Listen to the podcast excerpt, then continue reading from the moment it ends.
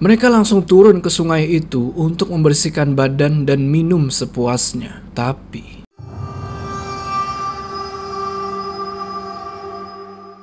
Assalamualaikum teman-teman, balik lagi sama gua Jo.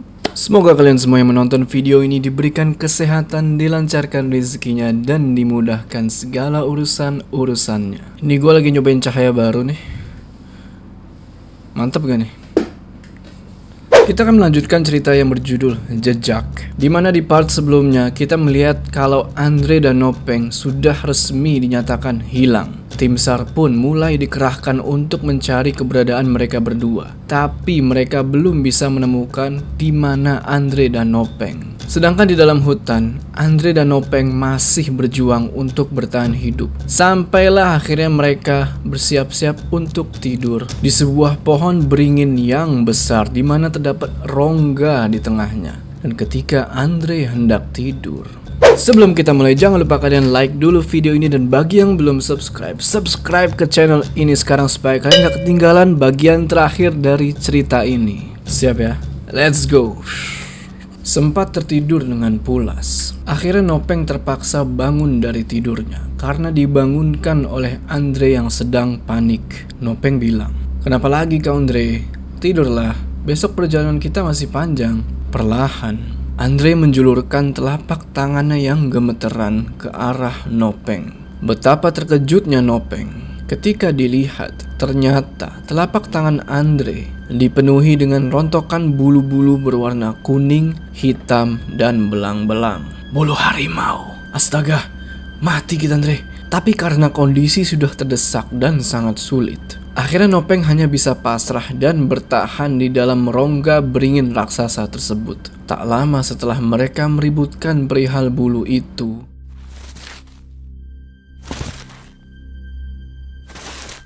terdengar ada suara gesekan yang menggesek ilalang di sekitar pohon tersebut. Suara langkah itu semakin dekat, semakin dekat. Kau dengar itu, Peng? Nopeng diam sambil mendengarkan suara langkah yang semakin dekat. Dan akhirnya, suara itu berhenti tepat di belakang pohon besar itu. Suara geraman dan napas yang terdengar jelas, serak, dan khas. Nopeng pun bersuara lirih. Nya, mohon ampun Nya. Kami mohon izin numpang tidur di sini satu malam. Besok kami akan pergi. Mohon izinkan kami tidur di sini satu malam saja. Setelah itu, suara langkah itu perlahan menjauh hingga tidak terdengar sama sekali.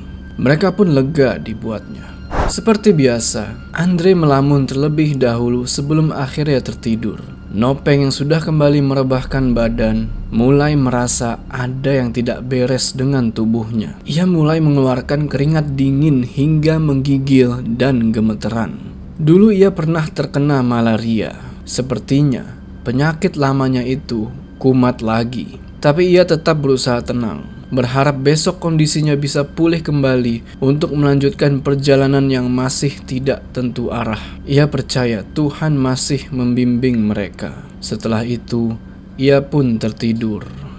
Gua akan menceritakan sedikit tentang apa itu Inyak. Inyak adalah sosok jelmaan harimau atau biasa disebut harimau jadi-jadian. Pada masyarakat Minang sendiri, harimau adalah binatang magis yang sangat dihormati. Jadi di dalam sebuah legenda, Inyak itu sendiri berasal dari sebuah goa di lembah Harau. Di dalam goa tersebut bersemayam seorang pendekar yang menguasai silat harimau. Setelah bertapa cukup lama, Pendekar tadi berubah menjadi harimau jadi-jadian. Inyak ini kemudian menguasai daerah Harau tersebut, bahkan sampai menguasai daerah Gunung Marapi dan Gunung Singgalang. Dalam mitos, jika seseorang sudah diincar oleh Inyak, ia bisa dibawa ke perkampungan kaum bunian atau kaum makhluk halus. Dulu pernah ada cerita pendakian yang dilakukan di Gunung Singgalang. Seperti biasa, sebelum mendaki, Pendaki-pendaki itu berkumpul di pasar dekat kaki gunung untuk sekedar menerima nasihat dan petuah dari tetua di sana. Apa saja yang boleh dilakukan dan apa saja pantangannya. Setelah sholat isya, mereka berjalan menuju camp pertama dekat menara salah satu stasiun televisi. Sebelum sampai ke situ, mereka istirahat sebentar. Lalu perjalanan dilanjutkan kembali. Di tengah perjalanan, setelah melewati lokasi pembuatan gula saka, seorang teman berpapasan dengan nenek-nenek. Spontan, pendaki itu berkata kepada teman di sebelahnya, Onde, ndak ba bandanyo, yang artinya nenek itu tidak punya belahan di atas mulut. Kan kalau kita punya nih, ya kan? Tapi kalau nenek itu nggak punya, mendengar celetukan tersebut, nenek itu menatapnya tajam dan berkata, Elok-elok di jalan Yona Yang artinya adalah hati-hati di jalan ya nak Di tengah perjalanan Dari kejauhan terlihat seperti ada cahaya yang mengikuti Rombongan pun mulai berjalan cepat hingga akhirnya mereka sampai di batu cadas. Setelah membakar api unggun dan mendirikan tenda, semua diinstruksikan untuk masuk ke dalam tenda dan istirahat. Namun, di dalam tenda, mereka melihat seperti ada bayangan harimau besar dari biasan api unggun yang masih hidup. Api itu kemudian mati dengan sendirinya. Tenda mereka seolah dikelilingi oleh hewan buas itu. Terdengar jelas suara gesekan badannya di tepi tenda karena teringat kejadian di saat berpapasan dengan nenek tua tadi. Beberapa orang teman membisikkan kepada yang berceletuk tadi untuk segera minta maaf. Ia pun langsung menuruti apa yang disuruh oleh rekannya. Tak lama setelah minta maaf, suasana mengerikan itu hilang seketika. Dan akhirnya kondisi kembali normal. Memang benar bahwa harimau itu memiliki sifat membalas yang tinggi, terlebih kepada orang yang dibenci atau tidak disukai, sehingga tidak heran setelah celetukan itu Rombongan pendaki seolah diikuti selama perjalanan. Untung saja tidak ada kejadian yang berbahaya saat itu. Kisah di atas mengingatkan kita kepada sepotong syair tentang perjanjian Inyak.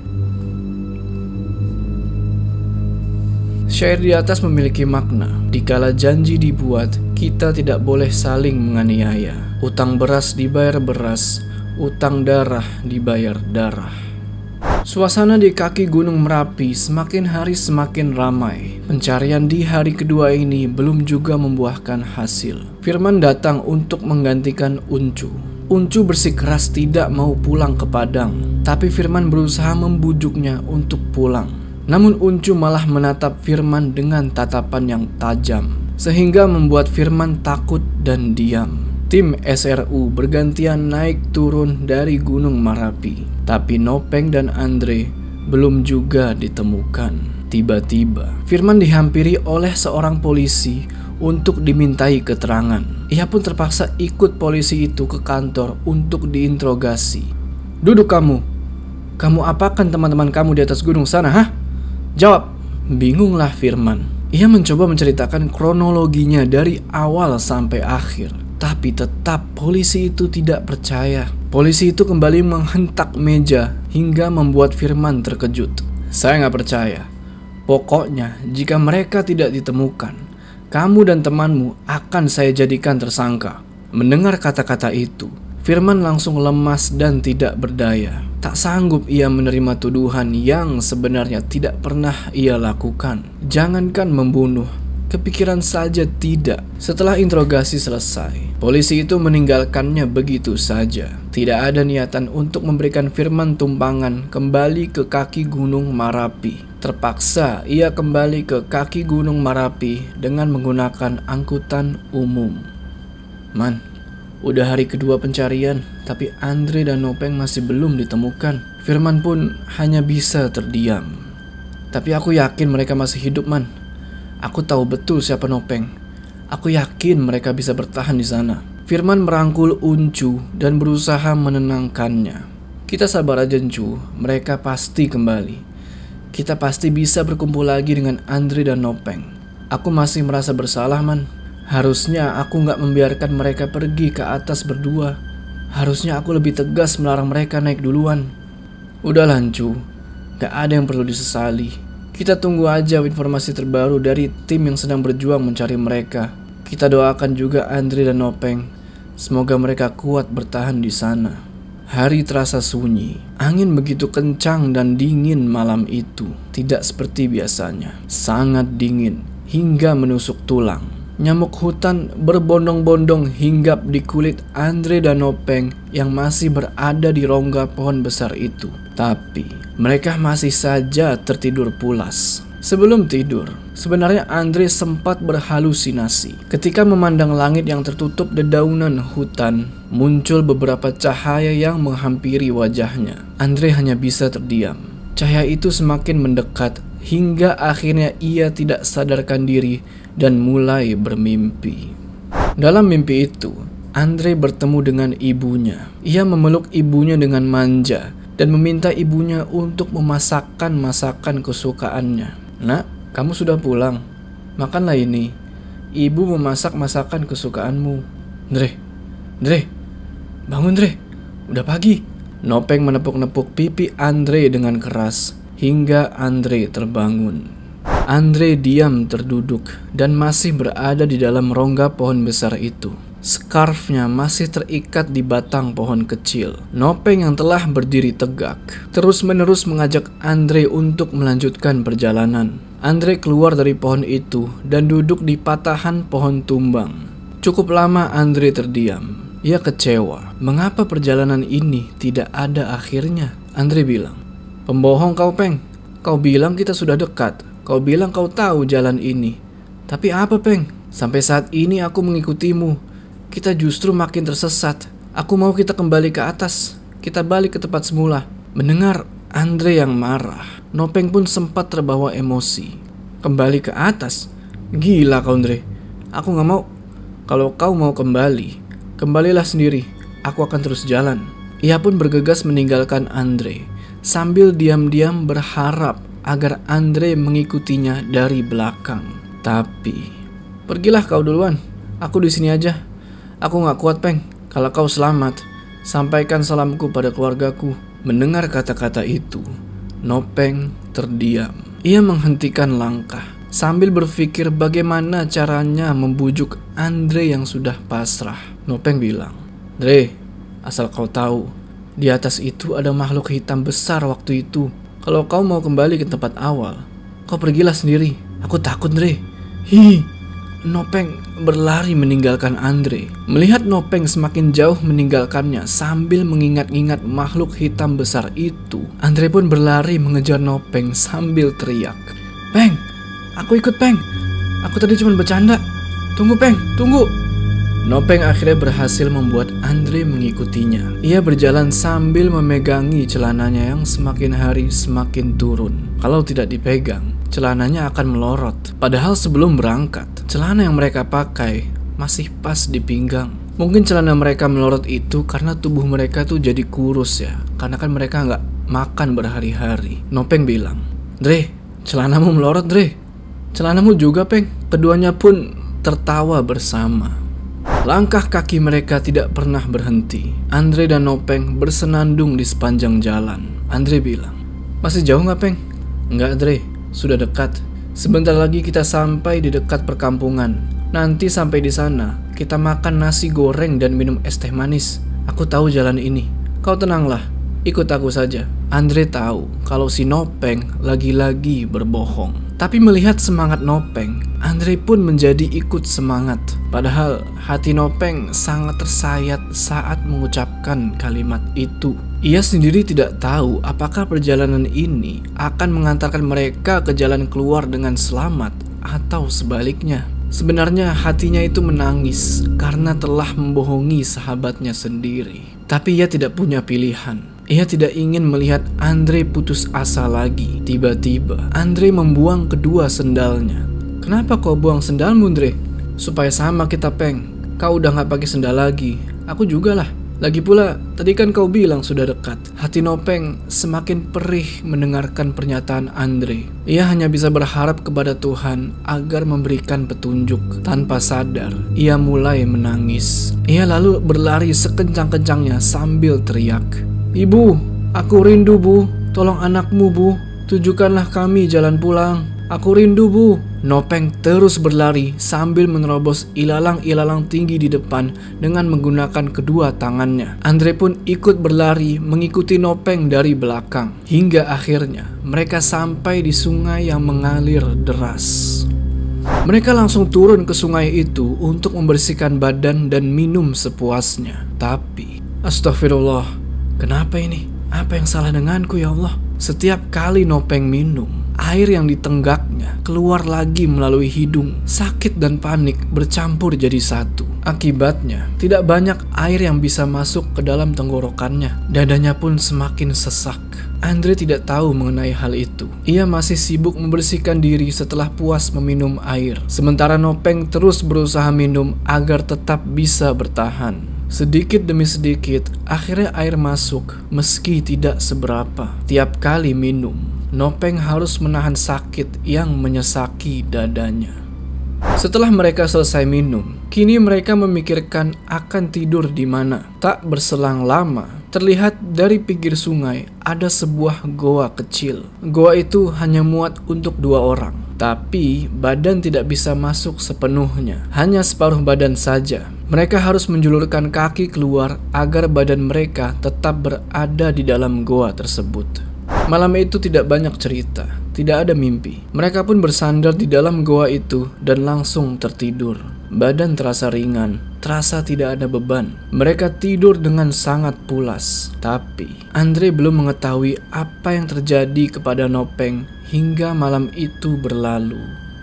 Pagi pun tiba. Mereka berdua terbangun karena suara burung-burung hutan yang saling bersahutan. Nopeng langsung keluar dari mulut goa dan hendak buang air di dekat tepi bebatuan. Setelah selesai buang air, Nopeng mulai membersihkan badannya di sungai itu dan membuang kotoran matanya yang mulai mengeras dan menggumpal. Tak lupa ia mencoba lagi untuk meminum air sungai itu. Tapi, lagi-lagi air itu tidak mampu seutuhnya masuk ke dalam kerongkongannya. Selalu saja keluar melalui hidung. Dadanya juga terasa semakin sesak dan sakit. Meski begitu, Nopeng tidak putus asa. Dia terus mencoba minum air sungai itu sampai terasa cukup. Andre yang baru keluar dari goa langsung menuju ke sungai itu untuk mencuci muka sambil menikmati sejuknya air sungai itu. Andre bilang ke Nopeng, "Peng, Kau masih ingat pelajaran kita tempo hari, Peng?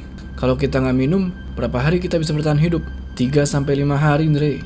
Kita nggak makan, berapa lama kita bisa bertahan? Kalau nggak salah, sekitar 8 minggu. Setelah itu, Andre pun mulai berhitung dalam hati. Berapa lama mereka bisa bertahan di hutan itu? Peng, berarti kita masih punya kesempatan bertahan lebih lama, Peng. Tapi kita harus terus minum air. Nopeng hanya terdiam di situ. Mengingat air tidak bisa masuk dengan sempurna ke perutnya. Ia harus menjaga rahasia ini dengan baik. Andre tidak boleh mengetahuinya. Setelah itu, perjalanan pun dilanjutkan. Mereka menyusuri pinggiran sungai agar tetap mudah mendapatkan air. Tapi Andre merasa ada yang janggal. Ia tidak setuju dengan langkah Nopeng yang memilih untuk mengikuti alur sungai. Andre bilang, Peng, berhenti. Kenapa Andre? Apa kita nggak salah jalan, Peng? Salah jalan?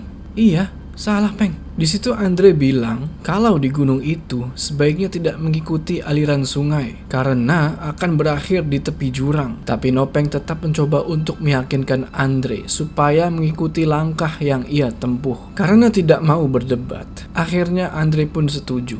Andre kembali berjalan menghampiri Nopeng sambil merangkulnya. Sekarang kau tuntunlah jalan lagi, Peng. Aku akan ikut. Aku sudah tak sabar ingin memakan nasi goreng dan minum es teh manis yang pernah kau janjikan. Nopeng tersenyum kecil sambil melanjutkan perjalanan. Kembali ke kaki Gunung Marapi. Tim SAR masih terus menyisir setiap sudut kawasan Gunung Marapi siang dan malam tanpa henti. Sampai hari ketiga pencarian, kabar keberadaan mereka berdua belum juga didapat. Sampai salah satu tetangga Uncu, seorang bapak-bapak yang dulunya sering mendaki yang bernama Pak Zul, mengajak Uncu untuk naik mencari Nopeng dan Andre. Tapi Uncu menolaknya, karena kalau sampai ketahuan tim SAR, tim SAR akan turun dan berhenti melakukan pencarian. Akhirnya Pak Zul pun mengurungkan niatnya. Beberapa saat setelah itu, Firman menghampiri Uncu untuk pulang ke Padang. Kini giliran Iwan yang menggantikan Uncu. Tapi Meskipun berulang kali disarankan untuk pulang, Uncu terus menolak. Sementara Firman pulang sebelum Iwan sampai di lokasi mereka menunggu. Kondisi Uncu sudah cukup mengkhawatirkan. Badannya sudah letih. Satu letih karena berpikir, dan dua letih karena diganggu oleh media-media yang ingin memberitakan peristiwa itu. Memang, dalam beberapa hari itu, televisi lokal dan media cetak tidak henti-hentinya memuat berita tentang hilangnya Nopeng dan Andre. Karena kewalahan, akhirnya Uncu memutuskan untuk bersembunyi dengan berdiam diri di dalam tenda posko relawan. Iwan akhirnya sampai di kaki Gunung Marapi, tempat para relawan berkumpul. Ia lalu mencari keberadaan Uncu dan Firman. Sambil terus mencari, ia juga tak luput dari sorotan dan incaran media untuk diwawancarai. Ia juga sempat diinterogasi oleh oknum yang mengatasnamakan TNI meskipun tidak seperti Firman. Setelah selesai dimintai keterangan oleh oknum tersebut, ia duduk bersama para relawan dari daerah sambil sesekali mencari keberadaan Uncu dan Firman. Setibanya Firman di rumah, ia langsung disambut oleh kedua orang tuanya yang sedang duduk di ruang tamu. Ayah Firman bilang, Man, kau nggak usah khawatir nak, teman-temanmu insya Allah kembali. Firman sempat terkejut di situ, tapi ia memilih untuk tidak menanggapi dan bergegas menuju kamarnya. Di kaki Gunung Marapi, beberapa tim pencari yang pernah dibentuk sebelumnya bergabung dengan beberapa anggota SAR. Setelah berembuk, perwakilan SAR menghampiri keluarga korban. Dengan berat hati, Tim SAR menyampaikan beberapa hal kepada keluarga korban, termasuk status korban hingga hari keempat pencarian ini. Tim SAR memutuskan status korban bisa dipastikan telah meninggal dunia, sehingga tujuan pencarian saat itu berubah menjadi pencarian jasad korban. Mendengar pernyataan itu, keluarga Nopeng dan Andre pun menangis histeris. Setelah menenangkan orang tua Andre dan Nopeng, Uncu menghampiri tim SAR yang sedang bersiap-siap. SAR kini telah mencabut peringatan untuk tidak ikut dalam pencarian. Sehingga Uncu dan teman-teman sekarang boleh ikut mencari. Mendengar pernyataan tim SAR itu, Uncu langsung naik pitam. Kenapa nggak dari awal kami dilibatkan? Kenapa baru sekarang? Uncu terpaksa mengurungkan niatnya untuk mencari, mengingat kondisi tubuhnya yang sudah tidak memungkinkan. Di saat Uncu sedang diam melamun, Salah seorang senior dari organisasi pecinta alam menghampirinya dan bilang, Hei kau satu angkatan dengan temanmu yang hilang kan? Kau pasti tahu persis siapa teman-temanmu. Abang yakin mereka berdua masih hidup. Percayalah, mendengar kalimat senior itu, Uncu akhirnya bangkit dari kesedihannya. Ia kembali optimis kalau Andre dan Nopeng masih hidup. Uncu pun memutuskan untuk pulang ke Padang. Mengingat kondisi tubuhnya, ia sangat perlu istirahat. Singkat cerita, akhirnya Uncu sampai di kamar tidurnya. Tak berselang lama, ia pun tertidur. Di dalam tidurnya, ia bermimpi. Ia bermimpi kalau ia bertemu dengan Nopeng. Uncu menangis sejadi-jadinya sambil memeluk erat Nopeng yang ada di hadapannya. Ia tak kuasa menahan rindu. Dalam pelukannya, Uncu juga merasa kalau Nopeng ikut menangis. Kejadian itu terasa sangat nyata, walaupun hanya di dalam mimpi. Perjuangan Nopeng dan Andre untuk bertahan hidup belum selesai. Meskipun dada Nopeng terasa sesak dan sakit, mereka berdua tetap optimis kalau mereka bisa keluar dari hutan itu. Apalagi yang akan terjadi kepada mereka berdua? Saksikan lanjutannya di part terakhir. Jangan lupa like video ini dan bagi yang belum subscribe, ayo subscribe sekarang ke channel ini supaya kalian gak ketinggalan part terakhir dari cerita ini. Gua Joe, sampai ketemu di part selanjutnya.